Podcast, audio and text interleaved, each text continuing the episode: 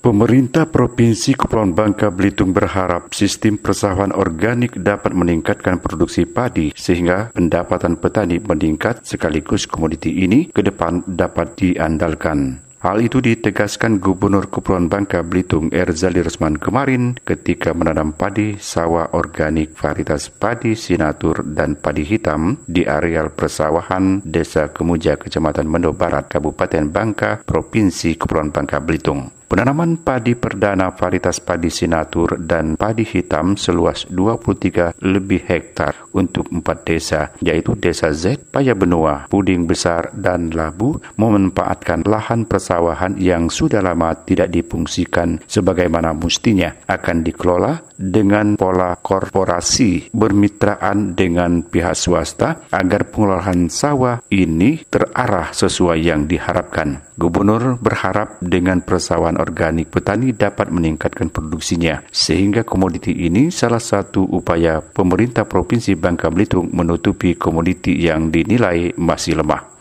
kita mengembalikan fungsi sawah yang sudah lama dibiarkan oleh masyarakat kita karena masyarakat kita tidak mendapat perhatian dan saprodi daripada pemerintah yang sudah hampir kurang lebih sekitar 10 tahun ini. Harapan kita, ke target kita tahun ini mungkin sekitar 50 hektar, tetapi ini akan terus berkembang karena begitu panen selesai kita lagi mengembangkan lagi yang baru, terus mengembangkan yang baru, terus mengembangkan baru. Sehingga harapan kita dengan dibukanya sawah ini kembali, masyarakat di sini bisa uh, menambahkan penghasilan penghasilan mereka dari komoditi uh, padi ini. Sehingga kita lemah di beberapa komoditi kita tapi memperkuatkan di komoditi lain. Ya ini salah satu strategi juga untuk tukar gantilah ibaratnya. Ketika kom satu komoditi turun kita ada komoditi pengganti yang lain. Masyarakat kita ini jangan hanya mengandalkan satu komoditas saya yakin dan percaya daya tahan pangannya itu akan lebih lebih besar lagi Erzaldi Resman merasa senang karena keinginan masyarakat untuk memanfaatkan persawahan cukup tinggi. Untuk itu, Pemprov Babel ke depan akan melengkapi sarana dan prasarana seperti membangun jalan produksi seluas 20 km, membangun embung, serta prasarana lainnya sehingga hasil produksi petani menjadi lancar. Hadir dalam kegiatan ini beberapa pejabat dari Kabupaten Bangka, Kepala Dinas Pertanian Provinsi, Kepala Dinas Pertanian Kabupaten Bangka, para kades dari lima desa setempat, dan para kelompok tani serta undangan lainnya. Humas Pemprov Babel Hasan Aim dari Pangkal Pinang melaporkan.